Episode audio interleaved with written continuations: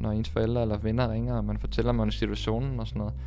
Altså det kan de jo ikke forstå jo, altså kan du ikke bare gå op og sige, hey, altså det er det, eller kan du ikke øh, kræve din løn, eller et eller andet, du ved. Altså, jamen, altså jeg prøver alt, hvad jeg kan, men det er ikke bare lige sådan, altså det, det virker meget nemt ud til, sådan at bare sådan at få det løst, men det, det er bare ikke særlig nemt at, at få løst. I månedsvis blev Mikkel Rygaard ikke betalt til tiden, hvis han altså overhovedet blev betalt. I starten var lønnen altid forsinket, men blev betalt, men til sidst udblev den helt. Selvom han som spiller var dårligt stillet i Polen, lykkedes det Mikkel Rygaard med Spillerforeningens hjælp at komme ud af sin kontrakt. Havde det ikke været for Spillerforeningen Anne, så, jamen, så ved jeg simpelthen ikke, hvor jeg ville være nu. I den her udgave af Spillerforeningens podcast kredser vi om Mikkel Rygaards turbulente ophold i Polen og hans vej ud af det. Mit navn er Michael. Her. Vil du ikke starte med at præsentere dig selv? Jo, jeg hedder Mikkel Rygaard, og er 30 år gammel efterhånden, og er lige kommet ud af mit uh, polske ophold. Ja, Uh, nu siger du selv uh, ophold, og jeg kan sådan næsten mærke, at du søgte sådan lidt efter ordet. Hvad, hvad tænker du, var det, um, hvis, du sådan, hvis du skal beskrive det, uh, det ophold, hvordan vil du så beskrive det? Uh, jeg vil sige, måske lidt kaotisk. Måske allerede fra start til slut. Jeg prøvede virkelig at, at finde, mig, finde mig til rette i, i det her eventyr, eller det her udfordring, hvis man kan sige det sådan. Og startede egentlig ret fint, og havde en god opstart med en træner, som havde hentet mig til øh, som desværre kun fik tre kampe, så måtte han på porten. Og så fik jeg ligesom prøvet det, ja, som jeg egentlig rigtig har prøvet før, at man bare fyrer en træner fra, fra en dag til den anden, og så står man og møder træning og giver hånden, og så smutter han ud af døren, og så kommer der en ny dagen efter. Så det, det var også noget nyt, og det endte jeg jo så med at prøve, hvad kan man sige, to gange. Den tredje, det var så vores assistenttræner, som allerede var ved den første træner, så han fik lov at tage over, og så fik vi så den fjerde til den nye sæson.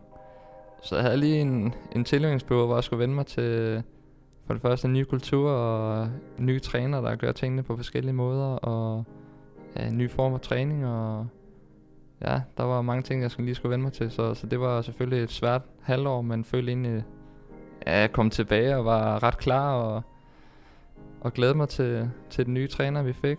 Uh, som så jeg endte med kun at få i kort tid, inden uh, min situation endte, som den gjorde. Nu sidder vi jo her i, ja, i København, og øh, hvordan er det, og, og du træner med som, ja, som ven af huset, tror jeg er deres, øh, deres beskrivelse i Farum. Mm. Øh, træner med hos FC Nordsjælland. Hvordan er det at være tilbage, ja, dels på træningsbanen i, i Farum, men også bare sådan tilbage i Danmark? Jamen, det både over, vil jeg sige. Altså, det, det er underligt at være tilbage, fordi man havde forestillet sig at være i Polen i to og et halvt år mere. Um, men samtidig også dejligt at være hjemme uh, blandt, blandt venner og, og, og familie, som man har savnet utrolig meget. Man, man bliver jo ret ensom af at være, være afsted, selvom at, uh, at man dog har fået besøg dernede, og, og ens forlovede er med, ikke? Men, men rart at være hjemme i, i vante omgivelser, og, og oppe i, op i FC Nordsjælland, der er det jo som at være tilbage, som om man aldrig har smuttet. Det, det er den samme... Uh, de, der er selvfølgelig mange nye trænere og, og en, mange nye spillere, de unge spillere, men, men det er som, at, som om man ikke har været væk. Det, det viser bare lidt om den, den uh, kultur, de har deroppe, og, og man er altid velkommen. Kort før 2020 blev til 2021 skiftede Mikkel Rygaard fra FC Nordsjælland til polske LKS Lodz, eller Vuc, som Rygaard indfører mig i, at det udtales på polsk. Man siger jo egentlig uh, Vuc, Eukajas Vuc.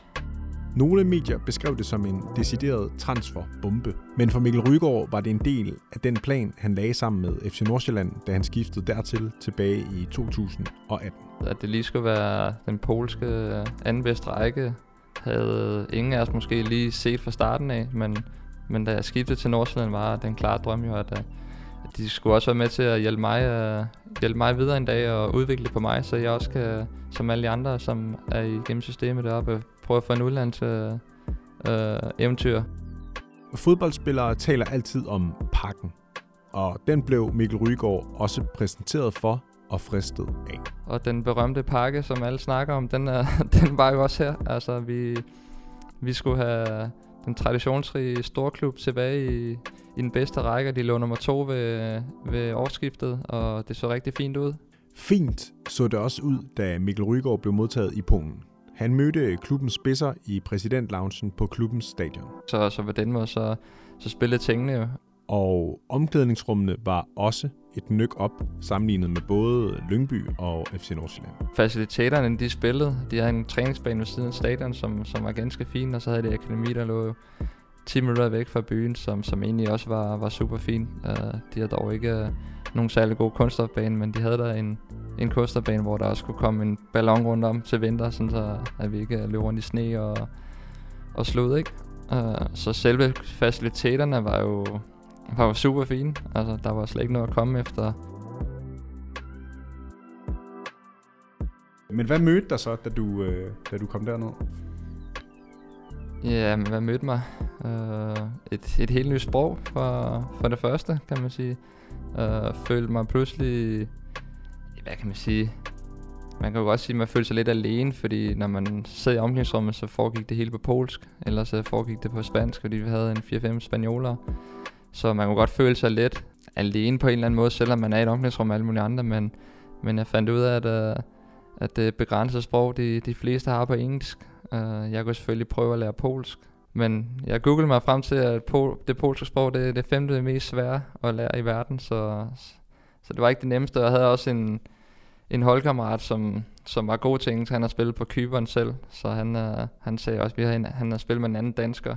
Ja, nu kan jeg ikke lige huske, hvem det var, han spillede med, men spillede med en anden dansker i Polen, som også prøvede at lære, at lære polsk på de tre år, han var der, og som han sagde til mig, du kan lige så godt glemme det, fordi han, han nåede ikke at, at kunne forstå så meget, kan man sige, eller snakke så meget, så det var, så det var, der var ingen grund til at, at gå for meget ind i det, så, så i hvert fald, uh, ja, et sprog, der man lige skulle vende sig til, og at de ikke var alt for gode på engelsk, så man kunne kommunikere så godt, ikke? Din rolle i omklædningsrummet, hvordan adskilte, adskilte, adskilte den sig så fra, da du var i, i Nordsjælland til, til Lots? Jamen, jeg gik jo fra at være, være en, en leder, føler jeg, i omklædningsrummet. En, der, hvad kan man sige, hjalp de unge på vej, hjalp de andre på vej. Øh, følte, at jeg havde meget at give, give ud af øh, fra mig selv, til at jeg kommer til, til Polen, og jeg føler nærmest ikke, at jeg kunne give noget videre, øh, fordi de hverken kunne forstå noget, hvis det var. Og, og jeg sådan skulle opbygge øh, min status på holdet. Jeg var jo lige pludselig meget lavt i hierarkiet. Øh, og skulle bygge med vej op, og det skulle jeg jo skal vinde deres respekt via, ja, på træningsbanen selvfølgelig, men også via mine præstationer på banen. Og, så der havde jeg jo, ja, det var måske ikke øh, det nemmeste, hvis man kan sige det sådan, så jeg gik jo fra faktisk at, at dele ud af mig selv til bare at gå og passe mig selv nærmest, og det, det, var, det var selvfølgelig også svært, at man skulle vende sig til en, en helt ny position, og ja, det, det var måske ikke mig bare at gå og passe mig selv. Uh, jeg kan jo godt lide at, at lære videre og give videre, og at vi sådan skal udvikle os alle sammen og blive bedre, ikke? Lige når du hører det her første gang, lyder det måske som om Mikkel Rygaard var en smule skødesløs i sit valg. Men det er ikke rigtigt. Han havde faktisk gjort sit forarbejde. Min agent havde så også haft, uh, haft Christian Gytka i Polen, og Kirkeskov, da han havde ham, havde han i Polen, og han havde forhørt sig med Lek Postlands uh, øh, sportsdirektør uh, om øh, uh, Eukajas Wood, hvordan den var, og han sagde, at de spillede sindssygt flot fodbold, og, og de burde rykke op, og har, altså, så vi har egentlig undersøgt rigtig mange ting, og der var ingenting, der hensyn til, at det, det måske kunne, ja, hvad hedder det, sejle lidt, uh, som det måske gjorde økonomisk, og, og sådan nogle ting, ikke? Uh, hvilket vi, vi fandt ud af, da vi så var der, ikke? Men, men inden der var der ikke noget, der hensyn til, at det skulle, det skulle ende, som det gjorde. Men der gik desværre ikke længe, før det alt overskyggende samtaleemne i omklædningsrummet var den manglende løn. Den står i kontrakten til kommende 10. Men den kunne variere mellem den 10. og den 25. i måneden. Uh, hvor nogen de kunne have den den 10. og så var der tre andre, der kunne have den 13. og så fik nogen den 25. Så det var, det var lidt underligt for mig, sådan at de, vi jokede lidt omklædningsrummet med, de, de måske sad på kontoret og havde en liste, og så tænkte okay, de tre spillere, de fortjener en i dag. De får lige enter, og så resten, de får måske om en uge eller sådan noget, ikke? i stedet for at alle bare får udbetalt samme dag. Og det var sådan lidt, det var nyt og lidt underligt, fordi i Danmark, der kommer man jo bare sidste dag i måneden hver gang, ikke? Så det var lidt underligt for mig, at man hele tiden skulle spørge, har du for løn, har du for løn, og sådan. Og der var der også nogle gange, hvor man lige skulle skrive, hvad er lønnen på vej? Ja, ja, øh, ja jeg undersøger lige med, med, hvad kan man sige, økonomikontoret, og så får du, får du pengene. Sådan, så jeg tænkte, hvorfor skal jeg spørge om det? Sådan, det kan man ikke bare, ikke? Så det var, der fik jeg i hvert fald, øh, ja, hvad kan man sige, der skulle man i hvert fald være også på, at man fik sin løn hver gang.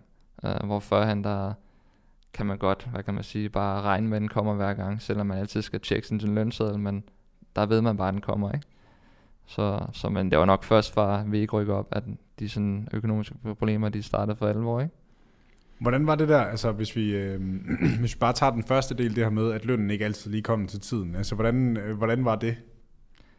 Jamen, super irriterende. Altså, også det der med i omklædningsrummet, så sidder man og snakker økonomi hver gang. Øh, hver, hver dag man kommer, så siger man, har du for løn? Har du for løn? Sådan, I stedet for at komme og snakke, har du haft en god dag? Eller hvad lavede du i går? Eller sådan noget. I stedet for at det hele tiden skal være omkring løn. Det er bare sådan irriterende ting, at skal snakke om hele tiden. Øh, så, så det var der... Altså det påvirker der truppen, og, og hvad kan man sige... Især efter der begyndte at komme problemer, så var der noget, der påvirkede endnu mere. Men i starten, der påvirkede det jo lidt. Men efter, efter vi rykkede op, så var det jo... Ja, på daglig basis var det jo noget, vi snakkede om. Og bare en irriterende ting at hele tiden tage op, ikke? Men, men altså, jeg, jeg spurgte jo også de andre, at det normalt, at lønnen kommer, som den gør, og sådan noget. Så ja, jamen, det er meget normalt. Sådan, så tænker jeg, så er det jo bare sådan der her. Altså, så, så gør jeg ikke mere ved det, så venter jeg jo bare på, at den kommer, og så, hvad hedder det, tager vi den derfra. Og så, så det var egentlig, ja, sådan det var. Hver eneste dag i omklædningsrummet snakker vi om, øh, hvad der sker og sådan noget. Vi vil gerne have svar, vi vil gerne høre, hvordan der vil ledes, altså være ærlige med os, du ved ikke. Uh, så de ville jo gerne have, at præsidenten kommer ned, eller sportsdirektøren kommer ned og snakkede med os. Uh, hvilket de også gjorde, og de kom ned, og så købte de sig tid, kan man sige. Ikke? Kom ned og beroligede truppen og sagde, at vi er meget ked af det over situationen, men I skal nok få den den 15. Og så har I en til igen den sidste par måneder, og den fik vi at vide et par gange. Hvis du som dansk spiller undrer dig over, at Mikkel Rygaard ikke bare opsagde kontrakten, pakkede sine ting og forlod Polen, så er der en god grund. For hvor du i Danmark hurtigt kan komme ud af din kontrakt, hvis din klub ikke udbetaler din løn, så forholder det sig en smule anderledes i andre lande, blandt andet i Polen.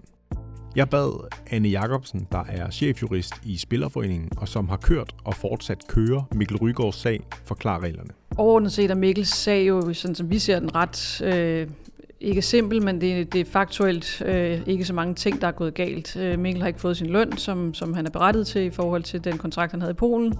Og så afsted kommer det jo så nogle konsekvenser for, for Mikkel med, at han kan hæve sin kontrakt og egentlig også gøre krav på sin på, på noget erstatning for den manglende løn, der er, og den resterende del af hans øh, kontrakt.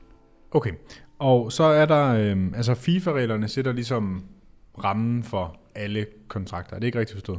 Jo, altså FIFAs regler indeholder nogle minimumsbestemmelser inden for nogle områder af kontraktverden, og så er der jo selvfølgelig nogle ting, som så skal udfyldes nærmere på nationalt niveau.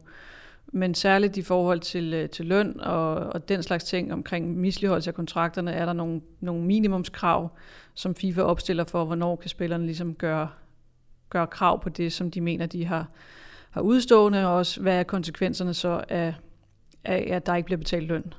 Så der siger FIFA, at hvis man for eksempel ikke har fået løn i mere end to måneder, så kan man sende det, der kaldes et påkrav, og give klubben en øh, frist på 15 dage, og hvis klubben så stadig ikke har efterlevet og betalt en manglende løn, det gør så, at spilleren reelt er berettiget til at ophæve kontrakten på det tidspunkt. Det er jo en lang periode i forhold til, hvad, hvad vi normalt er vant til herhjemme, uanset om man er fodboldspiller eller almindelig lønmodtager, så det er jo meget, meget lang tid at gå uden at få sin løn øh, i mere end to og en halv måned, før du reelt kan, kan gøre noget ved det, så at sige, at komme ud af den aftale, særligt fordi fodboldkontrakterne jo oftest er uopsigelige. Øhm, så derfor er konsekvensen af ikke at få sin løn, den er jo, at man stadig er bundet i princippet til sin, sin arbejdsgiver, men også begrænset i, hvor man ellers, hvad man ellers kan gøre. Så derfor er det jo en lang periode, der faktuelt binder dig til den arbejdsgiver, du har, på trods af, at du så ikke får dine regninger betalt, øh, og ikke får lønnen fra din arbejdsgiver. Mm. Okay, Jamen, så lad os tale lidt om de danske regler. Jamen, de danske regler er lidt mere øh, hardcore, så at sige. Øh, der skal nok ikke så meget til i Altså det øjeblik, at spilleren ikke får sin løn, det er jo hovedreglen herhjemme, at lønnen bliver udbetalt på den sidste hverdag i måneden. Og det vil så sige, at hvis lønnen egentlig ikke er kommet ind på kontoen på det tidspunkt, så kan man allerede dagen efter øh, rette det, der kaldes et påkrav mod arbejdsgiveren om, at man øh, har udstående løn, og man gør, gerne vil gøre krav på det. Og så kan man så kræve, at øh, klubben skal betale det inden for, øh, for tre dage, inden for tre hverdage. Det mener jeg det, der står i, i DBU's cirkulære omkring det. Og hvis der så ikke er betalt stadig efter de tre dage, jamen, så kan spilleren faktisk allerede på det tidspunkt ophæve sin kontrakt og gøre erstatningskrav gældende på samme måde, som Mikkel har gjort. Så det er DBU-regler og ikke noget overenskomstmæssigt? Det følger både af overenskomsten, men på baggrund af overenskomsten ligger der også et DBU-cirkulære, som statuerer den her tre-dages frist. Man kan sige, at selve overenskomsten statuerer, at du skal have lønnen til tiden.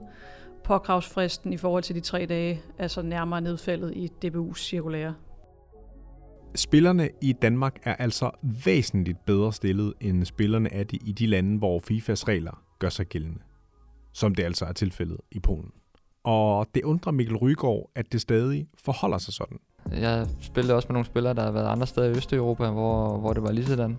Hvor der bare sidder nogle, nogle præsidenter i klubberne, der bare... Ja, de kan jo gøre, hvad de vil. Altså, vil de betale spillere, så gør de det. Vil de ikke, så er det bare sådan, der. Og det, det, det er nu engang sådan, som det er, men jeg synes bare stadig, det, det, det er vildt, at på en arbejdsplads, at, at det kan være sådan. Så jeg var jo...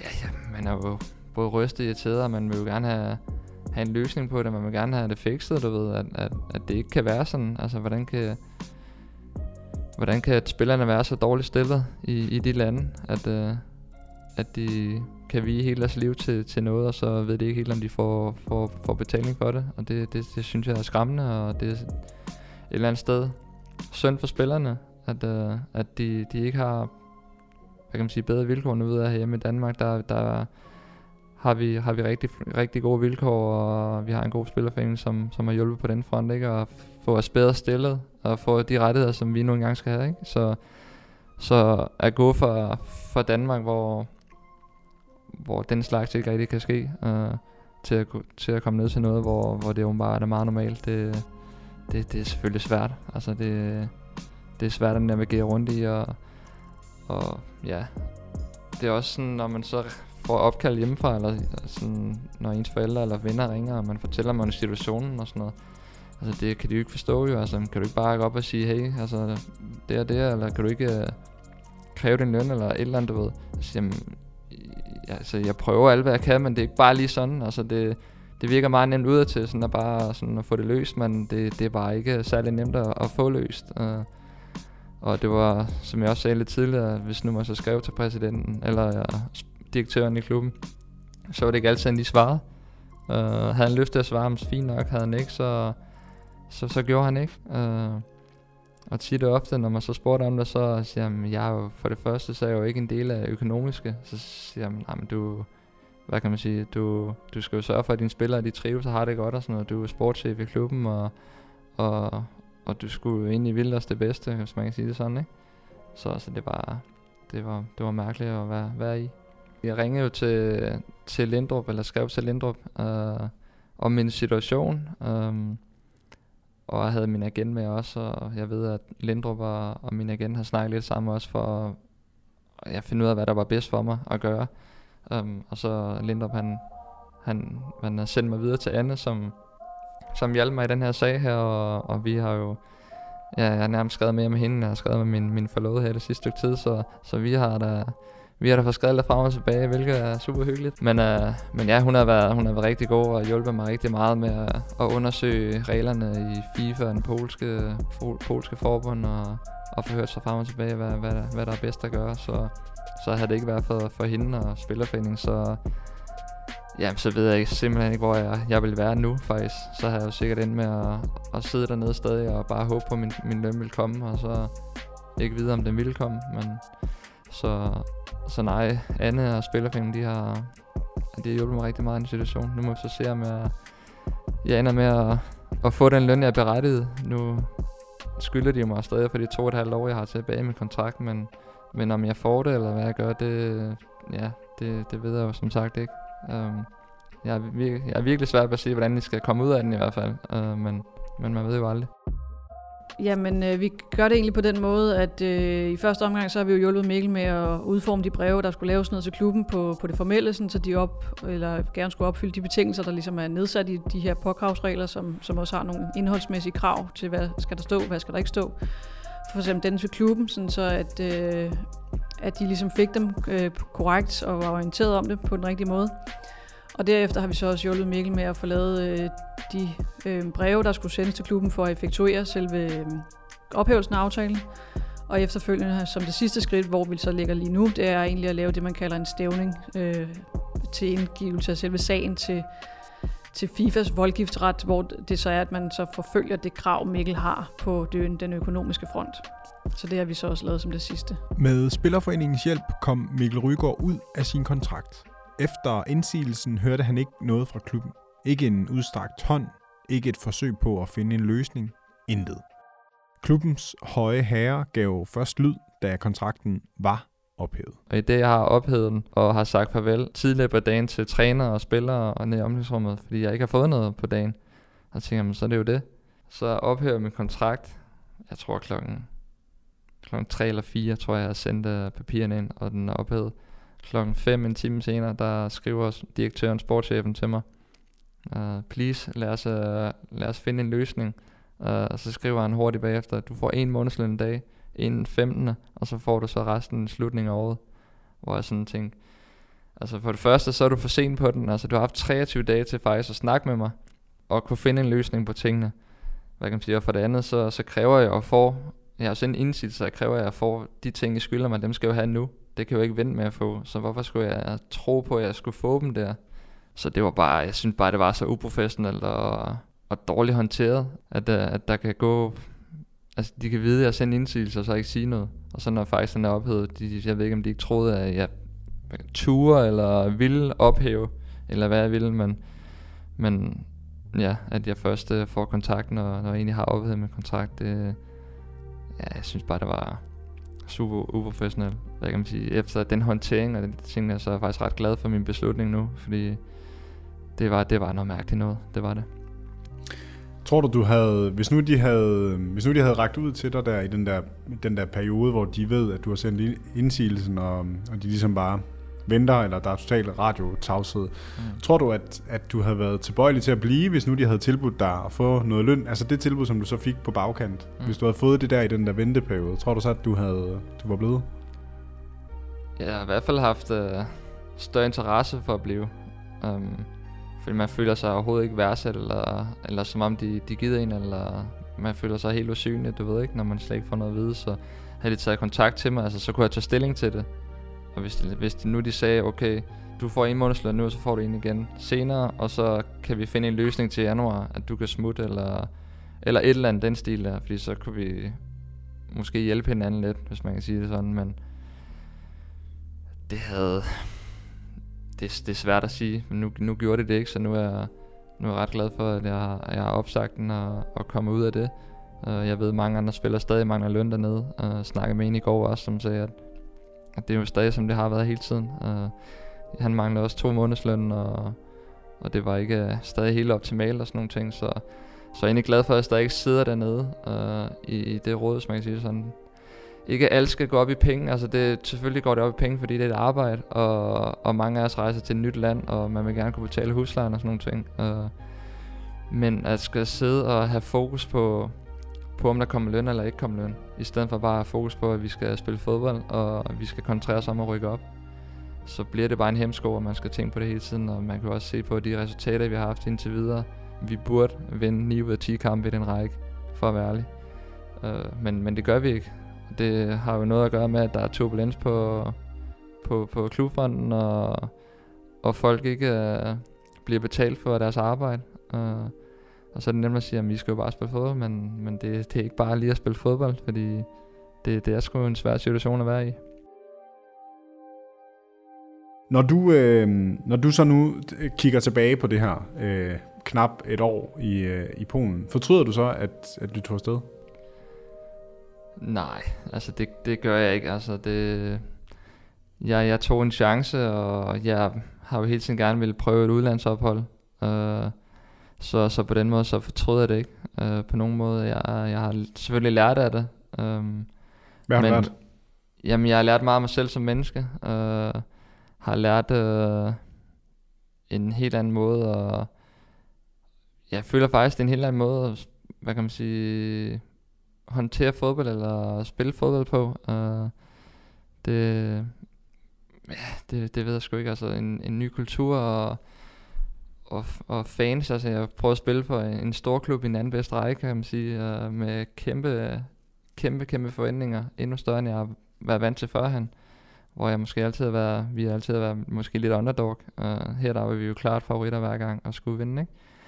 Men, men hvad kan man sige, lærte at hvad kan man sige, stå på egen ben. Altså, altså, der er mange positive ting ved det, selvom at fodboldbanen det har været, været super ærgerligt. Altså, øhm, og jeg har da heller ikke forudset, at, at jeg skulle have fire trænere på, på et halvt år. Øh, det, det havde jeg ikke. Øh, så, så det er nemt at sige, havde jeg, havde jeg vidst på forhånd, at, at der ville være fire trænersfyringer på, på det halve år der, så, så kan det godt være, at jeg nok ikke har valgt det. Øh, men men øh, det er jo en læring, og det er noget, man tager med. Øh, men, men fortryde det, jeg var super klar på det, og jeg glædede mig helt vildt. Øh, men, men det, jeg ved ikke, om jeg fortryder det. Øh, jeg vil hellere sige, at det, det er super ærgerligt, at, at det endte, som det gjorde. Afskrækker det dig så for, altså nu, nu står du jo og skal finde øh, ja, et nyt sted at spille fodbold. Øh, øh, afskrækker det, så, det dig så fra at tage ud igen? Eller, eller tænker du, okay, nu, nu har jeg ligesom prøvet det to gange at være ude, nu, nu bliver jeg sgu bare her. Altså, Ja, det gør det nok. Det afskrækker mig nok lidt. Nu vil jeg nok bare hellere have lidt, lidt, lidt tryghed, vide, hvad, vide, hvordan tingene er, hvis man kan sige det sådan, ikke? Og, så så det, det afskrækker mig da nok at tage, tage til lande, hvor man ikke er helt sikker på, hvordan der vil ledes, ikke? Uh, så det gør det helt sikkert. Um, og så omvendt, så, så har man også bare fundet ud af, at, uh, at Danmark er et rigtig godt fodboldland, og det er et fantastisk sted at være. Um, så, så på den måde, så, så det er ikke bare, nu, nu skal jeg ikke bare til udlandet bare for at prøve det. Uh, eller, eller fordi at græs er grønnere på den anden side, det, det er slet ikke det. Uh, så, så ja, jeg, jeg er nok lidt afskrækket af det, og, og måske uh, i hvert fald til noget, som, som man har mere kendskab til. Hvad fremtiden bringer for Mikkel Rygaard er i talende stund uvist. Det er også uvist, hvad udgangen bliver i sagen, der godt kan trække lidt ud. Sikkert er det, at du som spiller kan tage dig nogle forholdsregler, inden du tager ud. Men det er vigtigt, at du er opmærksom på det inden.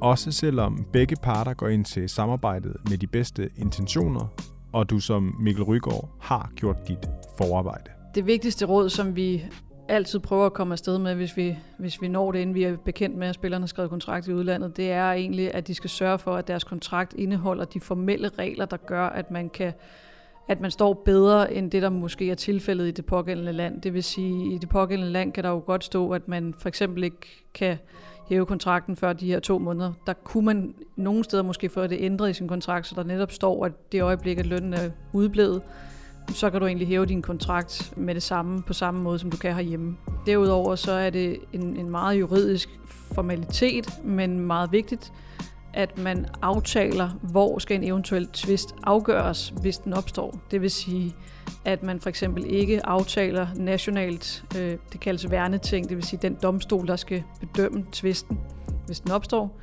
at det ligger i FIFA, fordi det er nemmere at gå til FIFA, end det er for eksempel at skulle gå til en domstol i et hvilket som helst land, for der så skal du ud og finde en national advokat, om det så er i Tyskland, Polen, hvor det nu er, så er det bare enklere at kunne gå til FIFA, hvor tingene sker på engelsk, det sker på skriftlig grundlag, og vi kan gøre det herfra, eller vi kan gøre det med de internationale øh, samarbejder, vi har.